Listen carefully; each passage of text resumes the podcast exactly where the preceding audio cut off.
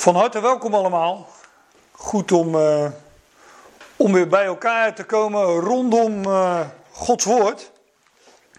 En uh, wij gaan zijn woord openen. En ja, ik heb wat zitten stoeien met het thema. Hoe ga ik het noemen? Dit is het geworden heerlijke maaltijden. En nou, dat komt voor sommigen wellicht een beetje cryptisch over. Hè? Waarom die hoofdletter, waarom staat een streepje daartussen? Nou, daar, daar, komen, we dan, uh, daar komen we vanzelf op. Um, ik wil straks met jullie gaan naar uh, eh, 1 Korinthe 11. Brief van Paulus, eerste brief van Paulus aan de Corinthiërs. En uh, daar spreekt hij over de gezamenlijke maaltijd van de Corinthiërs. En... Ja, ik weet niet hoe bekend jullie zijn met die Korinthe-brieven. Het zijn er twee. Maar uh, laten we het even bij die ene brief houden. Ik weet niet hoe bekend jullie zijn met die eerste Korinthe-brief. Maar daarin uh, schrijft Paulus de Corinthiërs aan naar aanleiding van allerlei vragen en allerlei geruchten die hem ter oren waren gekomen. En uh, we vinden nogal wat ehm, ja, wat opmerkingen en uiteenzettingen van Paulus waarin hij de Corinthiërs corrigeert. Er waren daar nogal wat dingen mis. En uh, ja, eigenlijk is dat uh, vanaf de aanvang van de, van de Korinthebrief. Hij schrijft hen ook aan als uh, kinderen. Hij zegt: Jullie hebben nog melk nodig en geen vaste spijs. Nou, dat is geen compliment. Dus uh, hij zegt eigenlijk: van ja, jullie zijn nog een stelletje baby's, geestelijk gezien. En uh, daardoor hadden ze allerlei uh, correctie nodig. Maar daar moet ik wel uh, bij vermelden. En, um, ja, eigenlijk zou, zou, je dan de hele Korinthebrief moeten bespreken om dat, om dat te zien. Wat Paulus elke keer weer doet, is niet tegen die Corinthiërs zeggen van jullie moeten dit en jullie moeten dat. Of jullie mogen niet zus, jullie mogen niet zo. Hij legt hen geen wetten op. Wat Paulus doet, hij onderwijst hen. Hij zegt, weten jullie dan niet hoe de dingen zijn? En dan gaat hij hen uitleggen, onderwijzen um, over hoe de dingen zijn. Dus hij zegt ze niet wat ze moeten doen. Hij zegt van nee, zo zijn de dingen. Hij legt hen uit, hij onderwijst hen. En um, nou, dat doet hij dus ook in 1 Korinthe 11. En uh, de versen die ik ga uh, bespreken, ja, ik val natuurlijk sowieso midden in die, uh, in die brief. Dus daar is nogal wat aan vooraf gegaan. Maar in, uh, over dit gedeelte zijn nogal uh, wat misverstanden. En uh, je komt meteen op de misverstanden als je je Bijbelvertaling open doet en je ziet wat erboven staat. Bij mij in eh, de Statenvertaling die ik voor me heb liggen staat erboven aanwijzingen voor het heilig avondmaal. En ehm, ja, dat is nogal een ehm, een misverstand, als je het mij vraagt.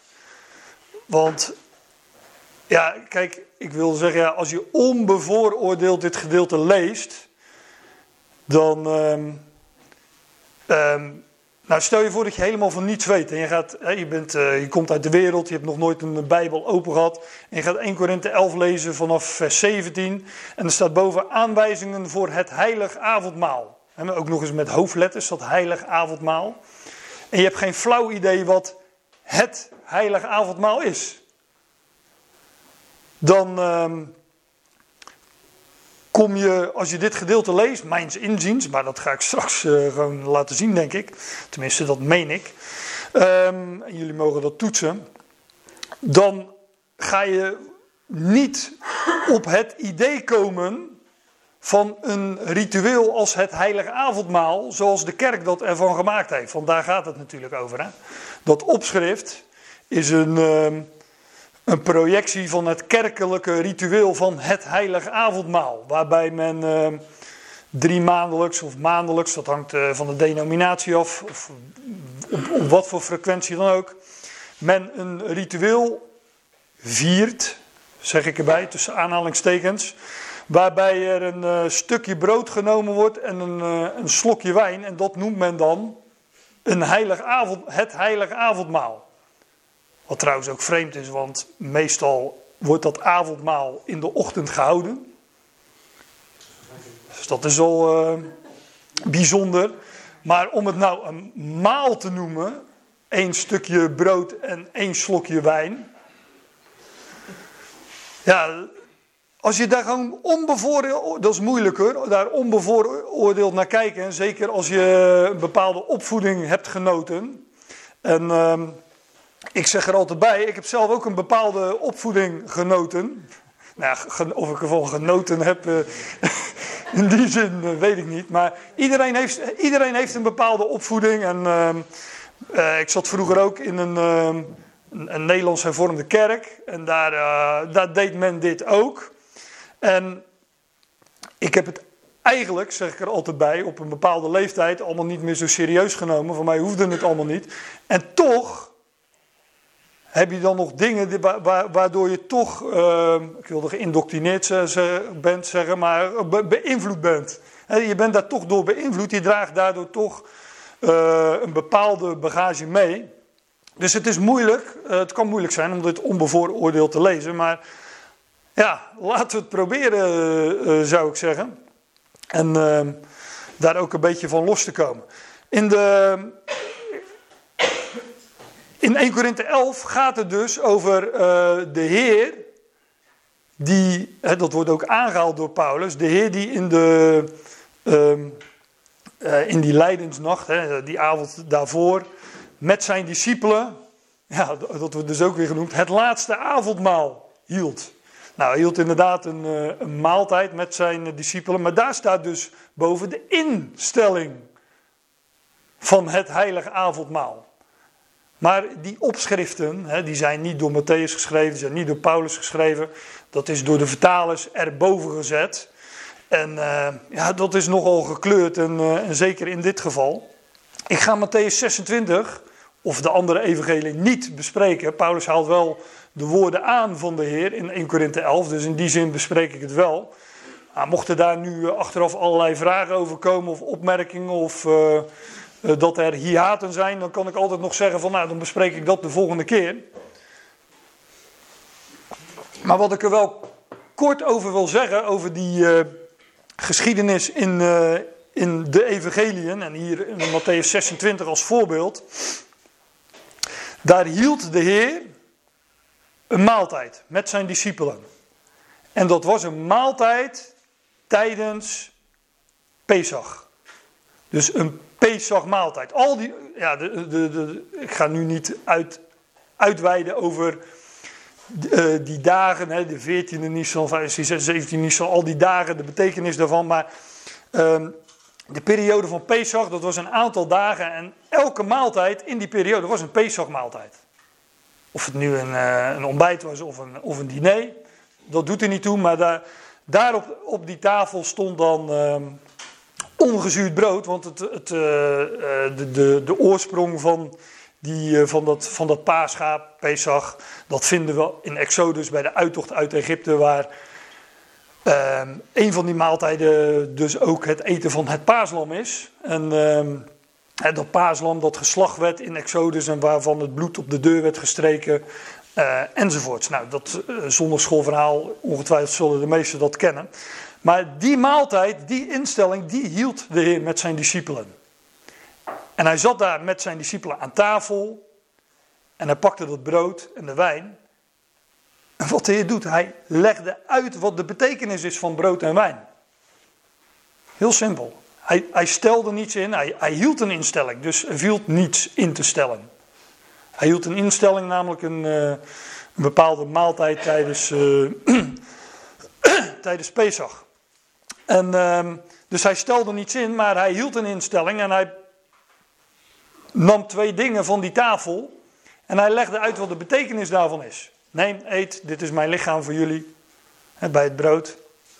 Bekend denk ik bij iedereen. En het, uh, de wijn, dit is het bloed van het nieuwe verbond. Maar hij stelde niets in. Hij pakte die dingen van de tafel en hij legde uit wat de betekenis daarvan is.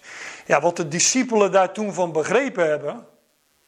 Dat uh, daar kunnen we over uh, discussiëren, filosoferen. Um, dat weet ik ook niet, niet exact, ik heb daar wel mijn ideeën over. Maar Paulus, de apostel van de natieën, Ja, hij wist de betekenis, want hij gaat dat in 1 Korinthe 11 uitleggen. Sterker nog, de Heer heeft hem dat overgeleverd. Wat die betekenis is van, dit is mijn lichaam. En daar gaat 1 Korinthe uh, 11 over, onder andere. Ja, bij mij, uh, de, de, aanleiding om het hier eens over te hebben, is... Um, ik heb... Um, er zijn nogal mensen op, uh, op Facebook de laatste tijd die allerlei dingen posten over uh, de, de doop. De waterdoop en uh, één doop uit, uit Efeze. En ehm, nou, daar wilde ik het dus niet over hebben, over de doop. Maar in de kerk heeft men dus, dat noemt men twee sacramenten. Dat is de waterdoop en, en het heilige avondmaal. En ehm, waar ik dus wel voor door getriggerd werd. Iemand zei, um, de de waterdoop is voor Israël. Hè. wij kennen één doop en dat is de doop, doop, vereenzelviging, doop in Christus Jezus. En dat is de ene doop die Paulus uh, uh, bedoelt in Efeze 4 met één doop. Hè. Eén Heer, één geloof, één doop. En uh, ik, ik, trouwens, um, André, die uh, heeft, dat, is niet op, dat was niet, ik wil zeggen op deze plaats, maar het was niet op deze plaats, het was nog in Torbekke.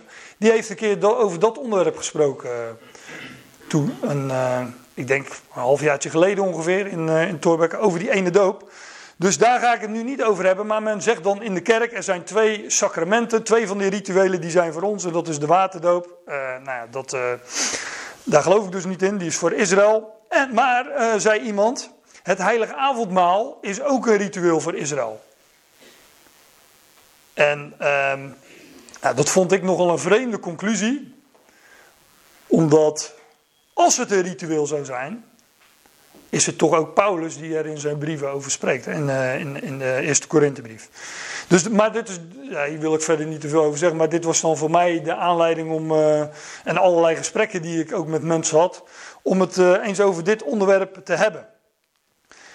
Dit, dit is een lang gedeelte, maar um, ik, ik, uh, ik, ga het eerst even lezen. Ik heb ooit van iemand gehoord uh, dat, uh, dat het even tijd kost om het helemaal te lezen, maar dat het je uiteindelijk tijd bespaart. Ik ben er nog niet achter of dat echt zo is. Maar ehm, het is wel goed om het even, even helemaal beter te pakken en aandachtig te lezen.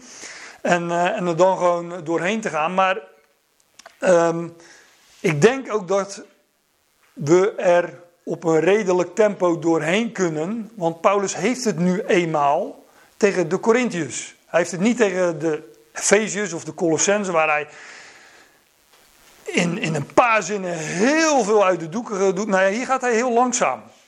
Want hij heeft het tegen baby's. Hè. Ze hadden nog melk nodig en konden geen vaste spijs verdragen. Dus Paulus ging langzaam en rustig en legt het allemaal volgens mij heel uh, simpel en helder uit zal dan gelijk een beetje de disclaimer dat ik er eh, wellicht wat sneller doorheen ga. Ik voeg me daarbij uh, bij Paulus. We zouden zijn navolgers zijn, dus ik volg Paulus daarin.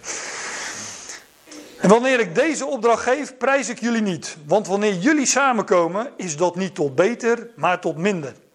Want ten eerste zijn er, naar ik hoor, wanneer jullie in de Ecclesia samenkomen, scheuringen onder jullie. En ten dele geloof ik dit. Want er moeten ook groeperingen onder jullie zijn. Opdat zij, die wel beproefd zijn, onder jullie openbaar zullen worden. Wanneer jullie dan samenkomen, wanneer jullie dan samenkomen op één plaats, dan is dat niet om de maaltijd van de Heer te eten. Want bij het eten neemt ieder, een ieder vooraf zijn eigen maaltijd. En de een heeft honger en de ander is dronken. Hebben jullie dan geen huizen om te eten en te drinken? Of verachten jullie de ecclesia van God? En maken jullie hen die niets hebben te schande? Wat zal ik tegen jullie zeggen? Zal ik jullie prijzen? Op dit punt prijs ik jullie niet. Want ik ontving van de Heer, wat ik ook aan jullie overlever, dat de Heer Jezus in de nacht waarin hij werd overgeleverd, brood nam en dankende brak hij het en hij zei, dit is mijn lichaam voor jullie. Doe dit tot mijn gedachtenis. Op dezelfde wijze ook de drinkbeker nadat de avondmaaltijd gehouden is. En hij zegt, deze drinkbeker is het nieuwe verbond in mijn bloed. Doe dit zo vaak als jullie die drinken tot mijn gedachtenis.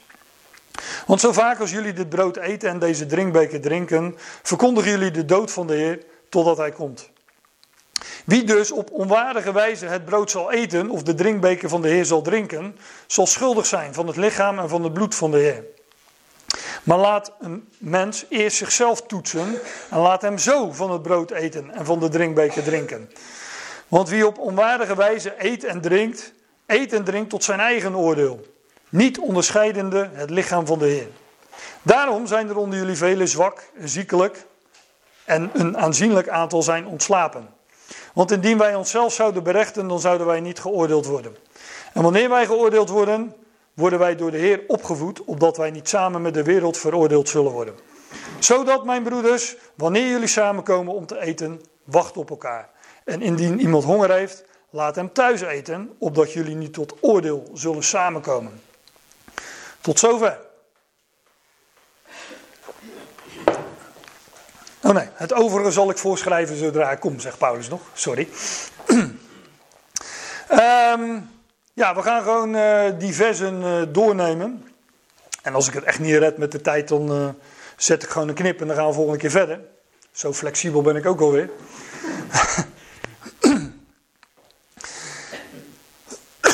Paulus zegt, en wanneer ik deze opdracht geef, prijs ik jullie niet.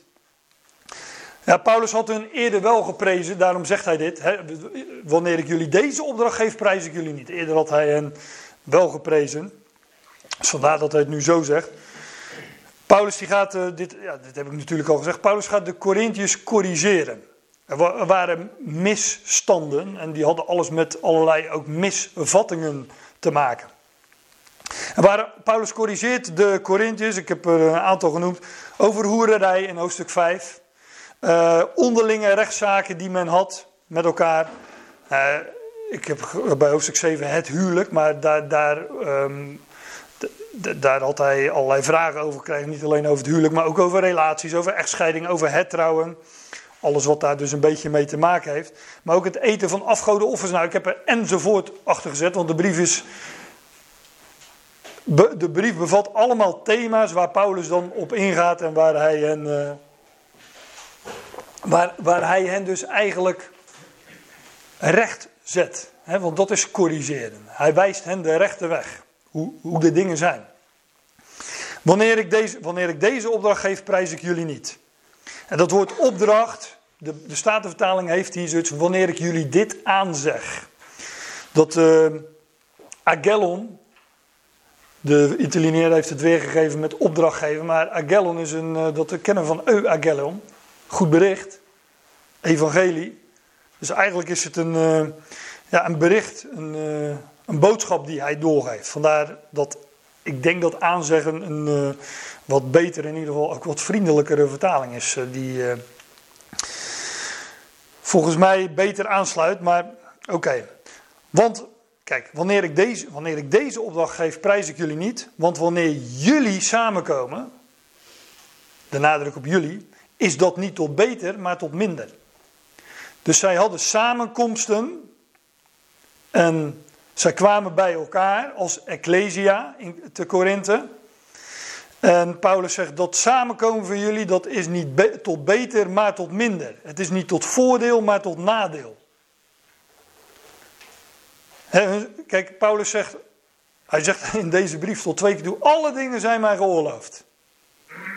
Want Paulus legt geen wet op, maar hij zegt daar ook bij van ja, niet alles is nuttig en niet alle dingen bouwen op. Want dat zou de, dat zou de, uh, de intentie zijn bij de dingen die wij doen. Dat zou ook de, de vraag zou niet zijn, mag iets wel of mag iets niet? Als wij, als wij ons iets af zouden vragen, nou, dan zou de vraag zijn, bouwt het op?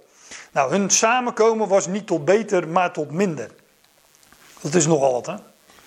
Je komt bij elkaar als gelovigen, als het lichaam van Christus, als broeders en zusters, om te luisteren naar Gods woord en met elkaar uh, te delen, te beleven, elkaar te verblijden. Paulus zegt, jullie samenkomen is niet tot beter, maar tot minder. Is dat nou echt vers 10? Nee, 17. Ja, ik Dat is vers 17, ja. Ja, sorry. Lees het er wel over. Want anders zou ik nu een sprongetje maken naar vers 8. Nee, dat is een, uh, een typfout.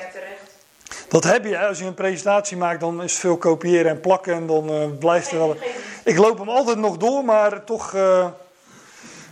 laat ik er expres foutjes in zitten om te kijken of jullie scherp zijn. Dus eh, gefeliciteerd Leni.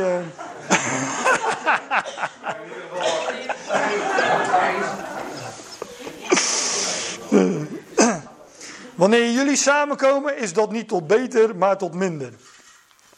Want ten eerste zijn er, naar ik hoor, had hij dus gehoord, was hem ter oren gekomen, wanneer jullie in de Ecclesia samenkomen, scheuringen onder jullie. Schismata, dat is een bekend woord. Uh, zijn scheuringen onder jullie en Paulus zegt, ja, ten dele geloof ik het. Hè. Hij zegt, ik, volgens mij zegt hij zoiets van, ik heb heel veel gehoord. En uh, ten dele, hoe groot dat deel is, of dat het meeste is of, of, of, de helft of min. Ik, ik, geloof niet alles, maar ten dele geloof ik het.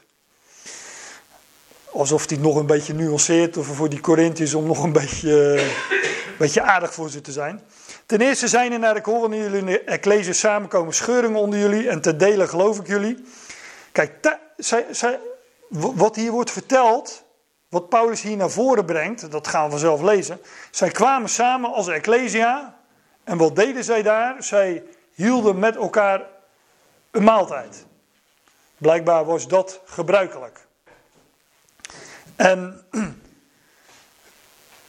tijdens hun samenkomen rondom die maaltijd was er dus allerlei verdeeldheid, hè? Oneenigheid. En ik heb dat zo nadrukkelijk, dat oneenigheid heb ik zo neergezet, omdat een maaltijd is per definitie een uitdrukking van gemeenschap, van eenheid. En Paulus zegt, ja, als jullie samenkomen, dan is er verdeeldheid, er zijn scheuringen en ten dele geloof ik het. hij zegt er nog wel iets bij. Er moeten ook groeperingen onder jullie zijn, opdat zij, die wel beproefd zijn, onder jullie openbaar zullen worden. Dat woord uh, groeperingen, dat is wel leuk. Ik, ik zit dan die woorden een beetje na te kijken. Dat, dat letterlijk is dat heffing. Hè? Dus uh, er moeten ook, er, moet, er, moet, moeten er zijn die er, uh, ja, die boven, die boven komen drijven. Dat is wat hij eigenlijk zegt. En, uh, er moeten ook groeperingen onder jullie zijn, want uh, opdat die wel beproefd zijn, onder jullie openbaar zullen worden. Kijk, 1 Korinthe 5, ja, dat moeten we misschien ook eens bespreken, want dat is ook zo'n um, gedeelte waar zoveel misverstanden over bestaan. Maar daar gaat het over, um, ik, dat liet ik net al even zien, over hoererij.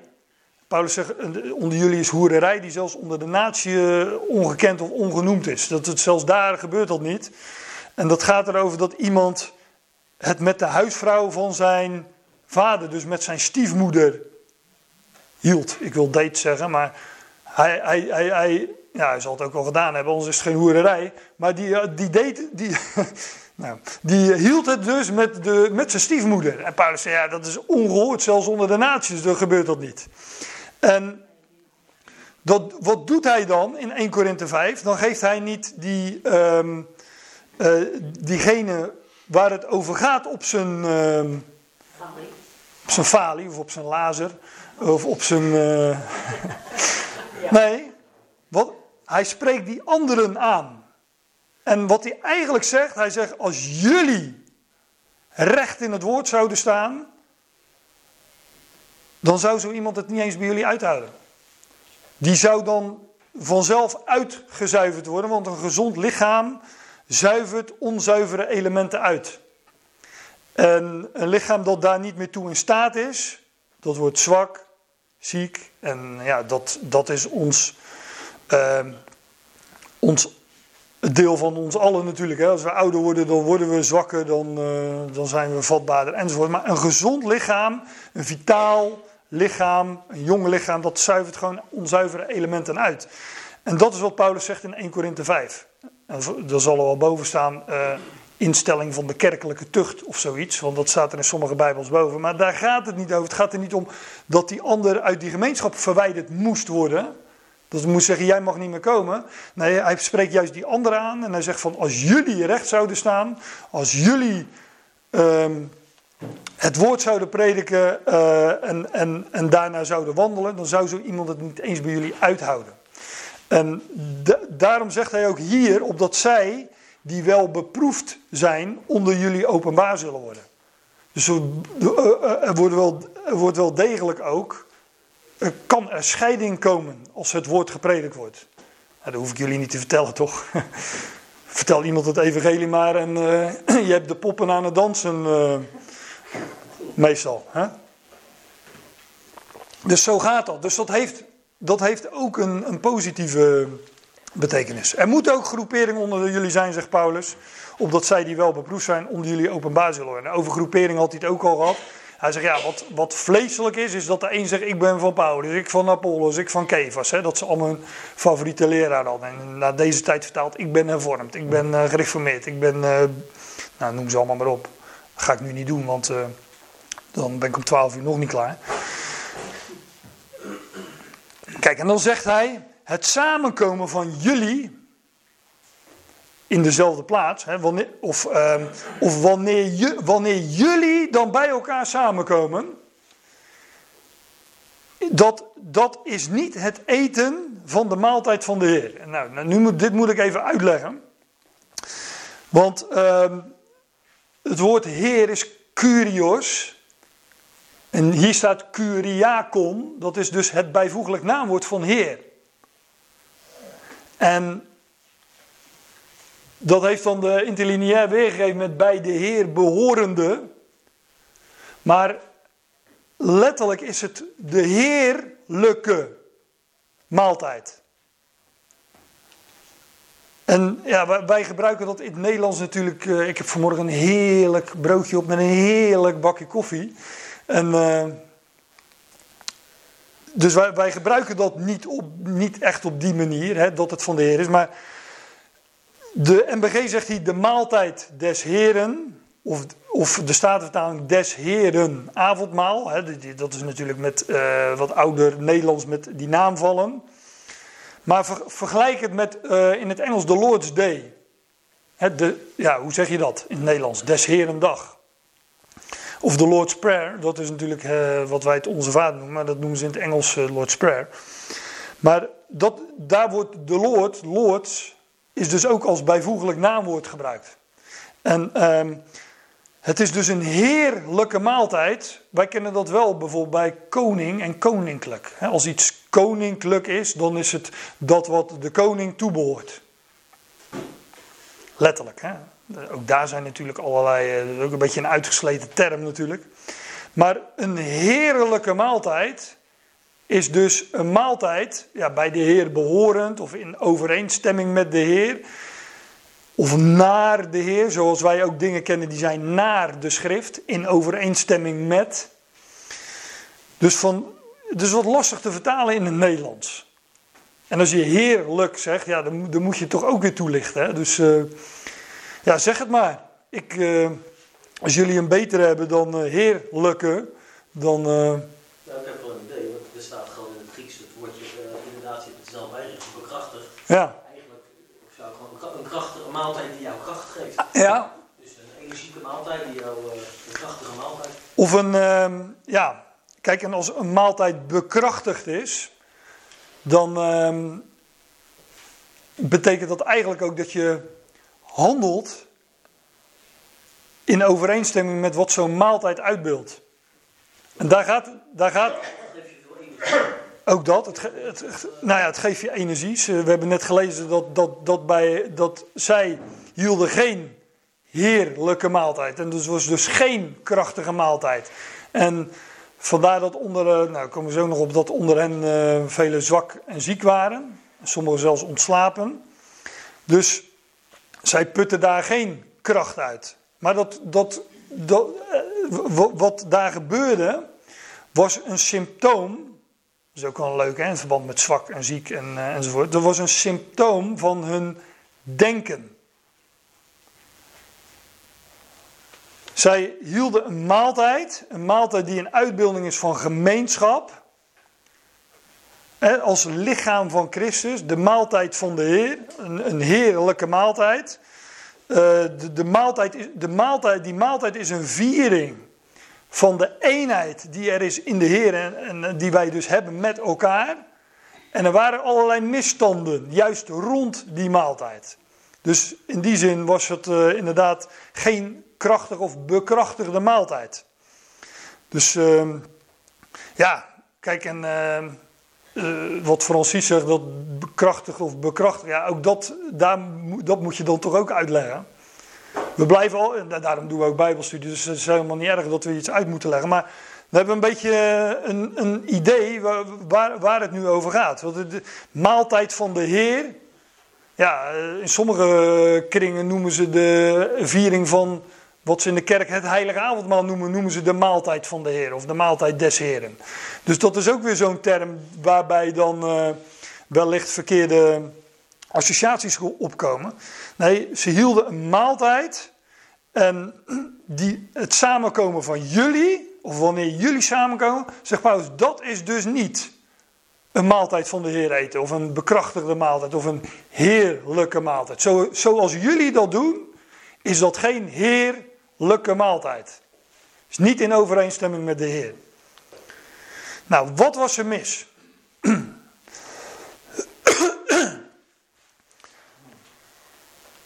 Want ieder neemt bij het eten de eigen maaltijd vooraf.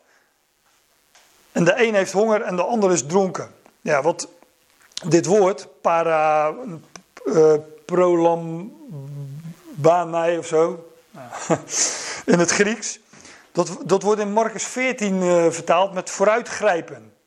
Als ik dat zo hier zou weergeven, want ieder grijpt bij het eten de eigen maaltijd vooraf. Men was dus aan het graaien en uh, zichzelf, sommigen waren zichzelf dus aan het volproppen. De een heeft honger en de ander is dronken. Hier weet je al dat het hier niet gaat over een ritueel van één stukje brood en één slokje wijn. Hè? Want, uh, tenminste, ik ben nog nooit dronken geworden van één,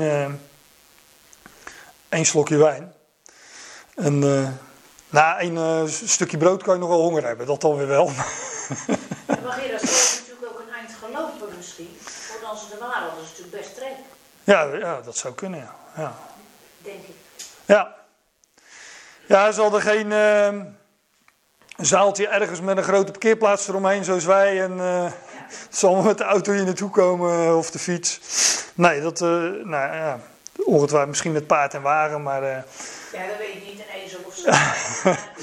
maar wellicht hadden ze honger ook omdat sommigen wat een stuk moesten reizen. En dan is het ook praktisch om ja, voordat je weer de reis terug aanvangt om inderdaad die maaltijd te nemen. Ja, daar kunnen we natuurlijk van alles over, over bedenken, maar dat zou inderdaad een, een reden kunnen zijn. Een van de redenen. Maar Paulus zegt dus, iedereen, er zijn er dus die, die, die, die grijpen en die nemen, voordat de maaltijd goed en wel begonnen is, ehm, proppen ze zich vol. Hè? Dus, wat zeg ik dan geparafraseerd? En de, de, de, de, uitkomst, de conclusie daarvan is, de een heeft honger en de ander is dronken. Maar dat, dat deden zij dus rond een maaltijd die eenheid, die gemeenschap uitbeeldt.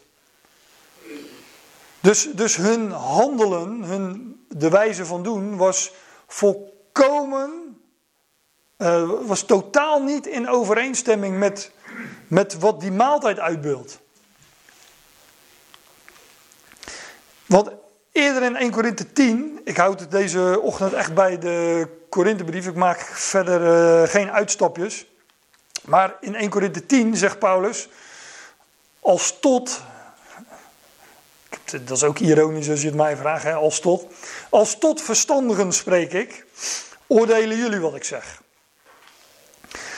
De drinkbeker van de zegening die wij zegenen, en um, in de Statenvertaling staat de drinkbeker van de dankzegging die wij zegenen. En dan en, maar er staat twee keer hetzelfde woord, de, drinkbeker van de zegening die wij zegenen. Maar uh, de dingen worden gezegend door dankzegging. Ik heb daar een mooi voorbeeld van. De Heer in de evangelie, die met de wonderbaar, een van die wonderbare spijzigingen, staat in het ene evangelie. Hij pakte het brood, hij dankte en hij deelde het uit. En in een andere evangelie staat dan, hij pakte het brood, sprak de zegen uit en deelde het uit. Wat is het nou? Dankte hij of zegende hij het? Nou, het, de zegen is in het danken. Wanneer wij God voor de dingen danken, Hem daarvoor erkennen als de gever, maar ook de betekenis daarvan, van die dingen erkennen, dan daar, daar ligt de zegening in. Weten, um, de dingen weten waar het vandaan komt en wat het uitbeeldt. Nou, de drinkbeker van de zegening of de drinkbeker van de dankzegging die wij zegenen, Is die niet gemeenschap van het bloed van de Christus? Het brood dat wij breken, is dat niet gemeenschap van het lichaam van de Christus? Het avondmaal staat, staat ook daar weer boven in mijn, in mijn, in mijn Bijbel. Maar het, het gaat hier gewoon over de. Paulus legt uit wat de betekenis is van brood en de betekenis van wijn. En de drink, die, die beker, daar komt straks nog wel op. Die drinkbeker van de zegening die wij zegenen, die beeldt uit gemeenschap van het bloed van Christus. Het brood dat wij breken, dat is gemeenschap van het lichaam van de Christus. Dus dat brood is een uitbeelding van het lichaam van Christus. Dus daar spreekt het van, van gemeenschap, van eenheid. Want één brood, één lichaam zijn wij, zegt Paulus, de velen. dus wij zijn wel met veel, dat is heel relatief natuurlijk veel, maar uh, als je zo bij elkaar in een zaaltje zit, dan, nou, dan lijkt het best veel. maar één brood, één lichaam zijn wij, de velen.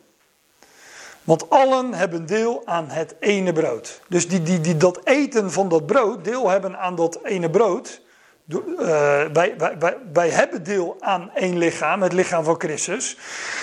En door dat brood te eten en met elkaar te delen, beelden wij uit dat wij, hoewel we velen zijn, één zijn in Hem.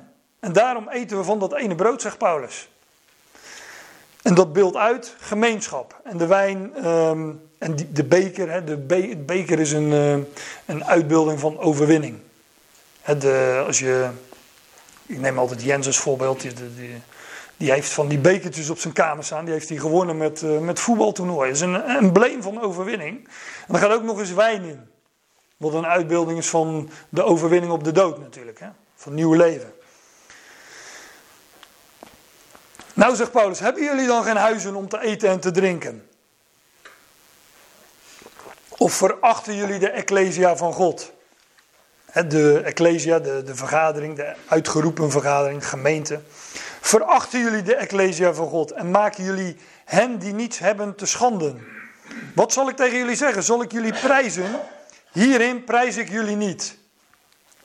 Dus ja, er was daar een, een, gemeenschap van gelovigen. En sommigen waren, hadden veel en anderen hadden weinig tot niets. En um, zij aten met elkaar. En de, daar werd dus ja, een, maaltijd, die eenheid uit de wet, werd dus door sommigen gewoon niet gedeeld. Aan degenen die niets of weinig hadden. En zodat er aan tafel de een dronken was en de ander had honger. Ja, je kan het je eigenlijk nauwelijks voorstellen, maar dat gebeurde dus. Nou, hierin prijs ik jullie niet, dat lijkt me duidelijk.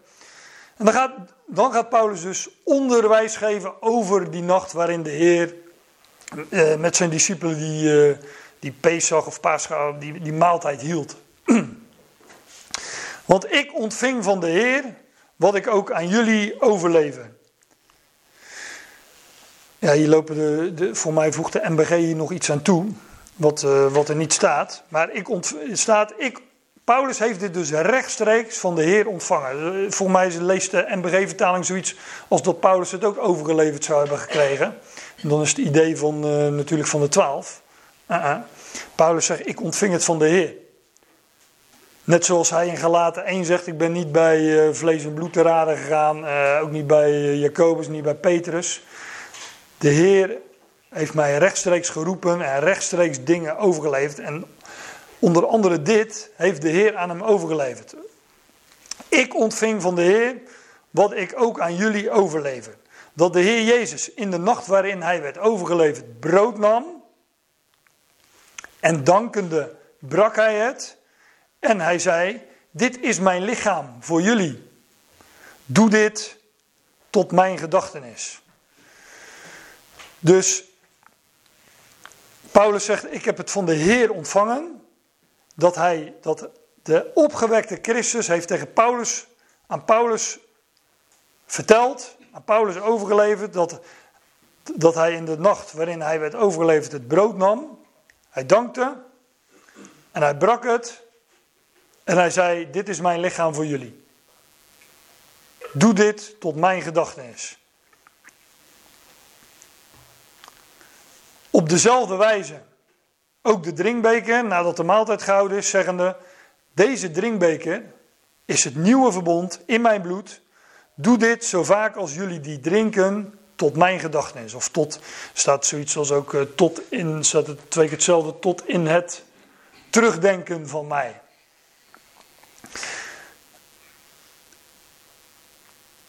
Dus Paulus die uh, heeft van de Heer overgeleverd gekregen wat, wat, uh, na, wat de, de, dat de Heer dat in die laatste nacht, avond, het brood nam en dat, uh, dat deelde met zijn discipelen. En um, hij dankte, hij brak het en hij zei: Dit is mijn lichaam voor jullie. Overigens, als je nu een, um, een statenvertaling hebt, dan staat het: Neemt, eet, dat is mijn lichaam dat voor u gebroken wordt. Nou, dat staat er dus niet. En dat is gewoon later uh, toegevoegd. En waarom dat is toegevoegd, nou ja dat, uh, ja, dat mag je zelf bedenken. Maar dit staat dus ook in het doopformulier. Hè. Dit is, eet, neemt, eet, dit is mijn lichaam dat voor jullie gebroken wordt. Maar hoe dan ook, op wat voor wijze dan ook, zijn lichaam is nooit gebroken. Of verbroken. Aan het kruis, zijn fysieke lichaam, werd niet gebroken. De, de, been, de, benen van die, uh, van, die uh, het ook weer, moordenaars of rovers, of allebei, die uh, misdadigers, die, die werden gebroken. En toen ze bij hem kwamen, toen zagen ze dat hij al, al was gestorven. En zijn benen hebben ze dus niet gebroken. Maar ook het lichaam van Christus, het, zo, zoals wij dat kennen, het lichaam van de opgewekte Christus, ja, dat zijn wij. Wij zijn de Ecclesia, het lichaam van Christus. En ook dat is juist het onderwijs van Paulus, dat dat niet gebroken is. Dat lazen we toch net in 1 Korinthe 10. Eén brood is het, één lichaam zijn wij. Hoe stond het er ook weer? Want één brood, één lichaam zijn wij. Want wij hebben allen, wij hebben alle deel aan hetzelfde brood. Ja, dat brood aan tafel wordt natuurlijk gebroken om het uit te kunnen delen. Zodat wij uitbeelden, hè, daarmee uh, uitbeelden dat we juist dat we één zijn. Door allemaal van dat ene brood te eten. Dat is juist uh, uh, de typologie, om het zo te noemen. Dat is wat het uitbeeldt. Want ik ontving van de Heer wat ik ook aan jullie overleefde, dat de Heer Jezus in de nacht waarin hij werd overgeleverd brood nam, dankende brak hij het en hij zei, dit is mijn lichaam voor jullie. Dit is mijn lichaam voor jullie. Ja, de, wat de Rooms-Katholieke Kerk hiervan heeft gemaakt. Als we dat ritueel dan houden met elkaar, dan verandert dat letterlijk in het lichaam van Jezus. Ja, dat is natuurlijk allemaal onzin. Dit is, betekent gewoon dit representeert. Dit beeld uit mijn lichaam. Dit representeert mijn lichaam. Dit brood representeert het lichaam van Christus.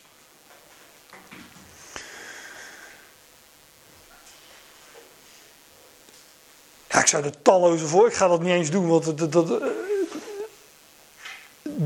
ik zou er talloze voorbeelden van kunnen noemen. Eentje uit, oh, dat is ook 1 Korinthe, 1 Korinthe 10. En de steenrots die wij volgen is Christus. Daar gaat het over de rots. Paulus zegt gewoon van ja, die rots, die, uh, de steen, dat is Christus. Nou, dat betekent niet dat die rots letterlijk Christus is. Nee, die rots representeert, beeld uit de Christus. Nou, zo ook dit brood. Dit representeert, dit is mijn lichaam. Het, dat brood is een uitbeelding van het lichaam van Christus. Doe dit tot mijn gedachtenis. Tot, uh, uh, tot in het herinneren van mij of het terugdenken van mij. Wanneer wij brood eten, wanneer wij gezamenlijk brood eten, dan ja, is dat een herinnering. Dat bepaalt onze gedachten bij, bij Hem en de gemeenschap die wij hebben in Hem. Het is ook geen begrafenismaaltijd, het is een maaltijd rondom de opgewekte Christus.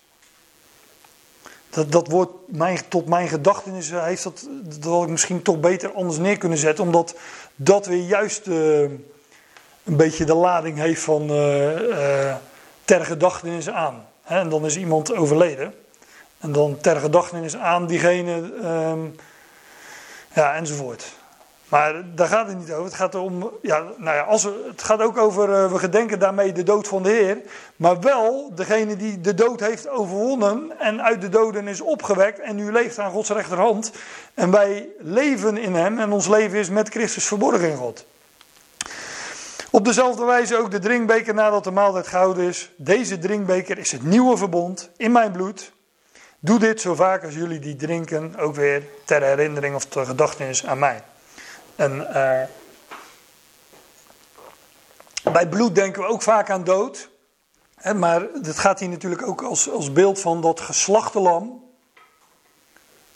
Dat, werd, dat, dat lam werd geslacht, maar dat werd geofferd. En dat offer is een uitbeelding van de opstanding en eventueel de hemelvaart. Hè, elk offer van zo'n offerdier, van zo'n, van zo'n lam. Hier gaat het natuurlijk over het Pesachmaaltijd, dus dat paaslam dat werd geslacht. En dat werd geofferd, dat werd op een verhoging gelegd, dat werd verhoogd. En dat steeg op een liefelijke reuk, uh, als een liefelijke reuk voor de Heer. En dat offer is een uitbeelding van opstanding. En ook in de tabernakel werd het bloed van het geslachte dier in het heiligdom gebracht. Dus het bloed spreekt wel van dood, maar van degene die geslacht werd. Het lam dat geslacht was, maar nu staat. Opgestaan. Het lam staande als geslacht in Openbaring 5.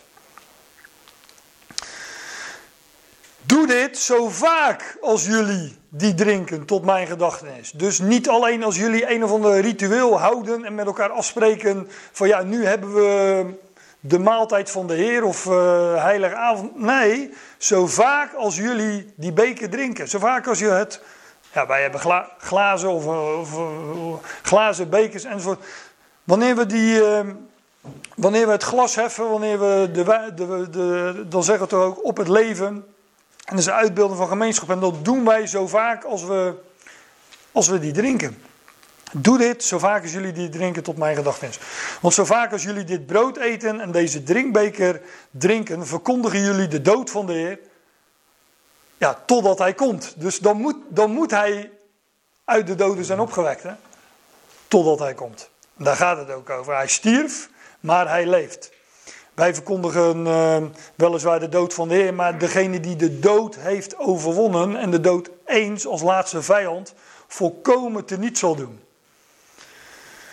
En uh, ja, die, die beker, dat, dat, dat heb ik ook al gezegd natuurlijk, dat is een, een embleem van overwinning. En ook, uh, ook nog eens de wijn die daarin zit, uh, spreekt van het leven dat de dood heeft overwonnen. En dat is natuurlijk ook de overwinning op de dood. Dus in alles spreekt die beker van de overwinning. Zo vaak als jullie dit brood eten en deze drinkbeker drinken, verkondigen jullie de dood van de Heer totdat Hij komt.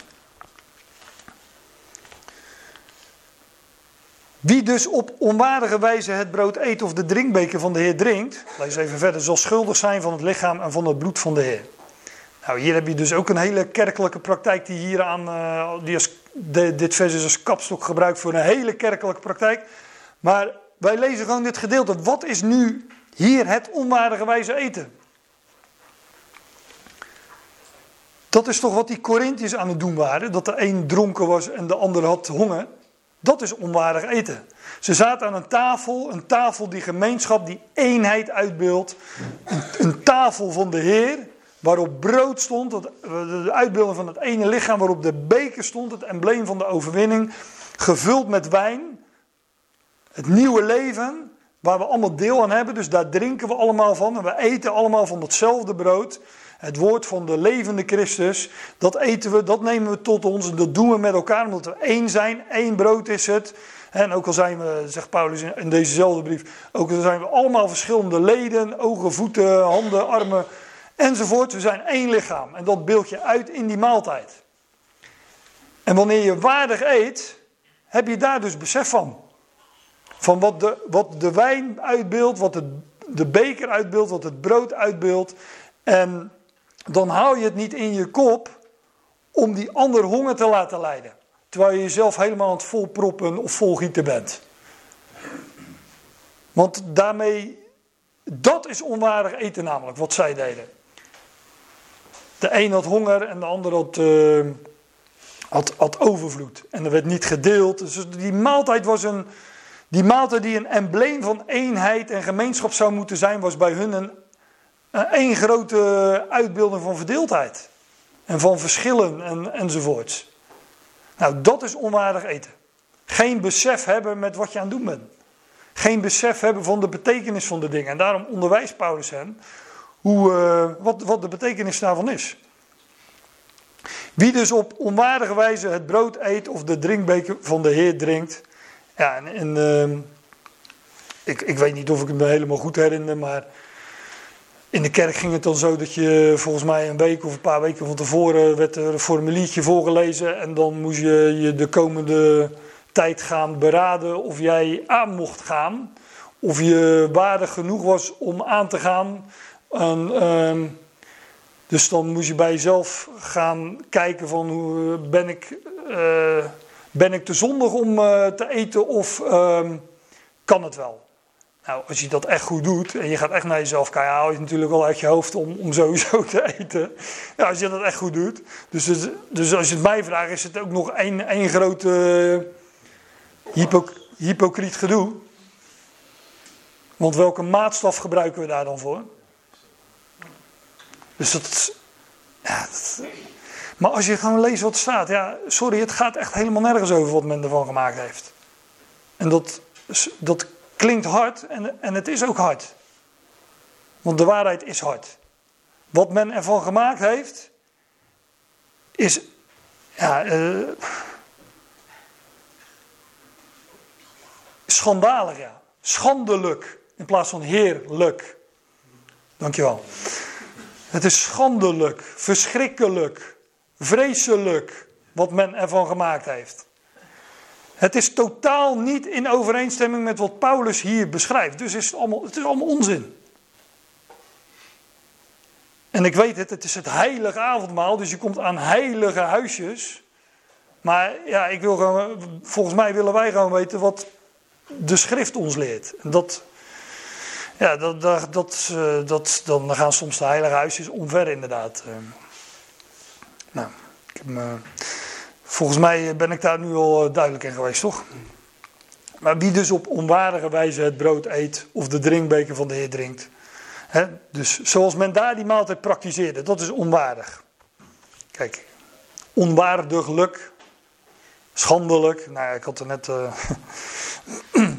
Maar niet heerlijk. Ook niet bekrachtigd. Zij bekrachtigden niet dat ze gemeenschap hadden en eenheid. Want ze deden in de praktijk iets heel anders. En als je je besef hebt van de waarde van de dingen, dan uh, eet, je, eet en drink je waardig. Dus in overeenstemming met de waarde die de zaken hebben. Net als dat samenkomen, dat was niet tot beter, maar tot minder. Niet tot hun voordeel, maar tot hun nadeel. Dat is wel geen flauw idee. Dat ze het lichaam van Christus zijn en één zijn in Hem. Wie dus op onwaardige wijze het brood eet of de drinkbeker van de Heer drinkt, zal schuldig zijn van het lichaam en van het bloed van de Heer. Ja, dat lichaam is natuurlijk de, de Ecclesia. Het bloed, zijn, zijn leven. En uh, ja, nogmaals, wat zij deden was uh, niet eten en drinken in overeenstemming wat die maaltijd uitbeeldt. En daar waren ze schuldig aan. Maar laat een mens zichzelf toetsen. Ja. Nou ja, dat. Uh, nogmaals, dat is dus ook, ook dit vers is natuurlijk die kapstok. Waar ik het net over had. Maar laat een mens zichzelf toetsen en laat hem zo van het brood eten en van de drinkbeker drinken. Hoe, wat is nu zo eten en drinken? Nou, in het volle besef van wie onze Heer is, wat Hij ons geeft, dat Hij ons elkaar gegeven heeft, dat we één zijn en dat we leven in gemeenschap en daarom aan zijn tafel zitten en met elkaar van dat brood eten en eh, van die, uit die overwinningsbeker met wijn drinken. En daar besef van hebben, weten wat het betekent en dat we um, in Hem ook onlosmakelijk verbonden zijn met elkaar. En daarin wandelen en handelen. Zo, dat is waardig eten dus. Laten we zo en laat hem zo van het brood eten en de drinkbeker drinken. Dus dat, dat is dat toetsen. zegt Paulus tegen de Corinthiërs. Want wie op onwaardige wijze eet en drinkt, eet en drinkt zichzelf een oordeel. Niet onderscheidende het lichaam van de Heer. En ehm, zij, aat, zij aten dus onwaardig. Zij aten en dronken onwaardig. En, en dat deden ze tot hun eigen oordeel. Niet onderscheidende het lichaam van de Heer. Nou, wat is, wat, is dan ehm, het oordeel? Nou, vanwege dit zijn er onder jullie vele zwak en ziekelijken. En een aanzienlijk aantal zijn ontslapen. Ja, blijkbaar zegt Paulus, als je de waarheid zou moeten kennen, als je die dingen van het woord zou moeten kennen, die we nu al die, die we nu bespreken, de overwinning, het leven dat er is in Christus, de eenheid die er is. Als je het weet, maar je, dat, je laat dat los. En je geeft in de praktijk van je leven er blijk van dat je het, um, dat je het of aan de kant hebt geschoven of er geen besef van hebt. En dat je zo omgaat met elkaar als dat ze daar deden, zegt Paulus, nou dan uh, is blijkbaar het symptoom daarvan. Dat er onder jullie vele zwakken en ziekelijke zijn. En dan kom ik weer bij dat bekrachtigd. Het is een, dit was dus een, een maaltijd die de vitaliteit en de kracht, hoe zij dat, uh, uh, hoe zij dat praktiseerden en beleefden, was dat dus een maaltijd die juist geen bekrachtigde maaltijd, geen, niet, niet een maaltijd die kracht gaf, maar die de kracht wegnam.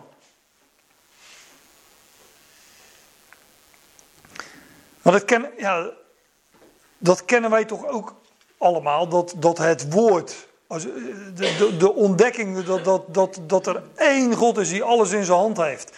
Het evangelie dat God uh, de redder is van alle mensen. De geweldige positie die wij hebben ontvangen als ecclesie, dat, dat verheugt toch ook het hart.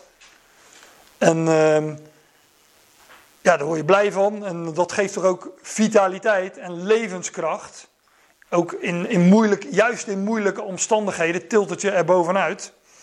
Paulus zegt dat zelfs een aantal uh, aanzienlijke zijn uh, ontslapen. Het evangelie is kracht van God. Je hebt trouwens ook, ja, op een zijlijn, je hebt trouwens ook vele genezingen in de Bijbel, in de, in de evangelie met name, die ook een illustratie zijn van het geestelijk herstel van Israël. Een man met een dorre hand, een blind geborene, nou, die worden genezen, maar dat is een illustratie van geestelijke kracht, geestelijke vitaliteit, geestelijk herstel. Kijk, je moet het natuurlijk niet omdraaien. Als iemand uh, zwak, ziek of, uh, of, of, of, of, overlijdt, dan, dan is dat omdat. Nee, zo werkt het ook niet. Komen, in die zin komen we allemaal aan de beurt. Nou, dat, dat weet ik niet, maar we zijn in ieder geval allemaal sterfelijk. En in, um, we zijn allemaal uh, van het zwakke geslacht, maar sommigen van het zwakkere. dus zwak zijn we allemaal, maar nou ja, ik denk dat dat wel, wel duidelijk is. Maar er wordt in de schrift wel vaak de, de, die, die, um, die koppeling gemaakt. Bijvoorbeeld in uh, spreuken, ik zou heel het versen kunnen noemen. Maar een gezond hart is ook leven voor het vlees. Maar jaloersheid is als bederf voor de beenderen. Hey, jaloezie, dat, dat vreet je op. Dat is, dan mijn uh, parafrasering. Maar of een verheugd hart bevordert gezondmaking. Maar een moedeloze geest doet het gebeente opdrogen. En je kent toch ook wel van die, van die mensen die. Uh, nou ja, laten we het daar niet over hebben. Maar het, ja, ik ken allemaal van die voorbeelden van mensen die. Uh, hoe zeg je dat? Dat lijken wel uh, beroepspessimisten. Altijd, daar gaat het gezicht ook gewoon aan staan. Maar ja, nogmaals, je kunt het niet omdraaien, maar we weten allemaal dat, dat, dat blijdschap, hoop, vrede, dat dat, dat ook iets uh, met het lichaam uh, kan doen. En uh, wanneer het hier niet goed zit, dan, hoe noemen ze dat? Dan kan zich ontaarden in alle psychosomatische klachten, noemen ze dat geloof ik. Die kunnen zich dan uiten in het lichaam. Hm? Ja, hoop doet leven. En eh, je houding, eh, Zo. moeilijk lopen. Ja, daarmee wil ik niet zeggen dat als je een beetje aan het krimpen bent en... Nee, dat zit ik niet. Nee, dat weet ik, dat weet ik. Daarom zeg ik het ook. Maar vanwege dit zijn er onder jullie vele zwak en ziekelijk en een aanzienlijk aantal zijn ontslapen. Want indien wij onszelf zouden berechten, dan zouden wij niet geoordeeld worden. Ja, dit, dit, dit, dit, is, eh, dit woord berechten, oordelen, allemaal van dezelfde stam. Hè? Krino heeft allemaal met, ja, eh, he- heeft allemaal met recht zetten te maken. Beoordelen, eh, veroordelen, eh, ge- geoordeeld. er staat een ander voorzetsel voor. Maar de interlineair heeft het dan zo weg, weergegeven.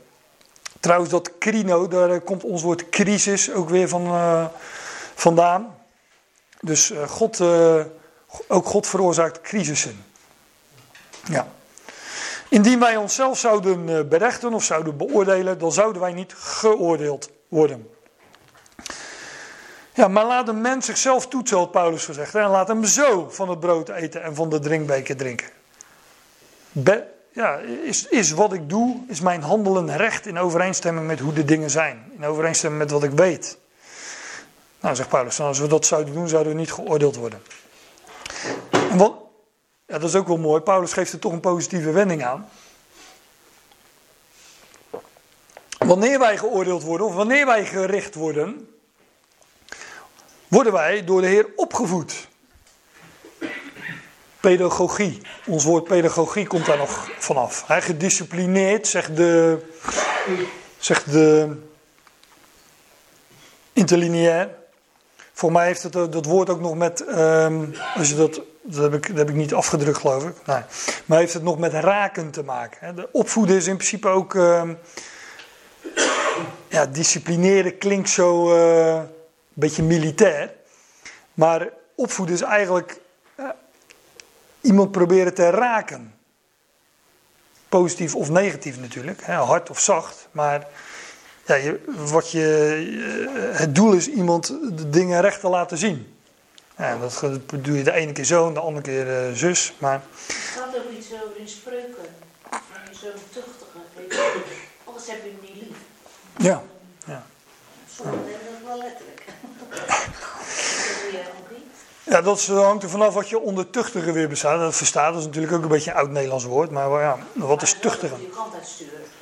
Ja, nou, dat is in ieder geval. eh, het, het heeft een. eh, het, heeft dat doel inderdaad. Iemand de goede kant op sturen. Iemand recht zetten. Hè, op, op, het, op het rechte pad zetten. Op het rechte pad blijven, op het rechte pad zetten. Wanneer wij geoordeeld worden, worden wij door de Heer opgevoed. Opdat wij niet samen met de wereld veroordeeld worden. Kijk, de Heer, de Heer doet vandaag een werk aan gelovigen. En hij voedt hen op en hij corrigeert hen. En. eh, ja, dat, zal, dat zal met heel de wereld gebeuren in de te zijne tijd.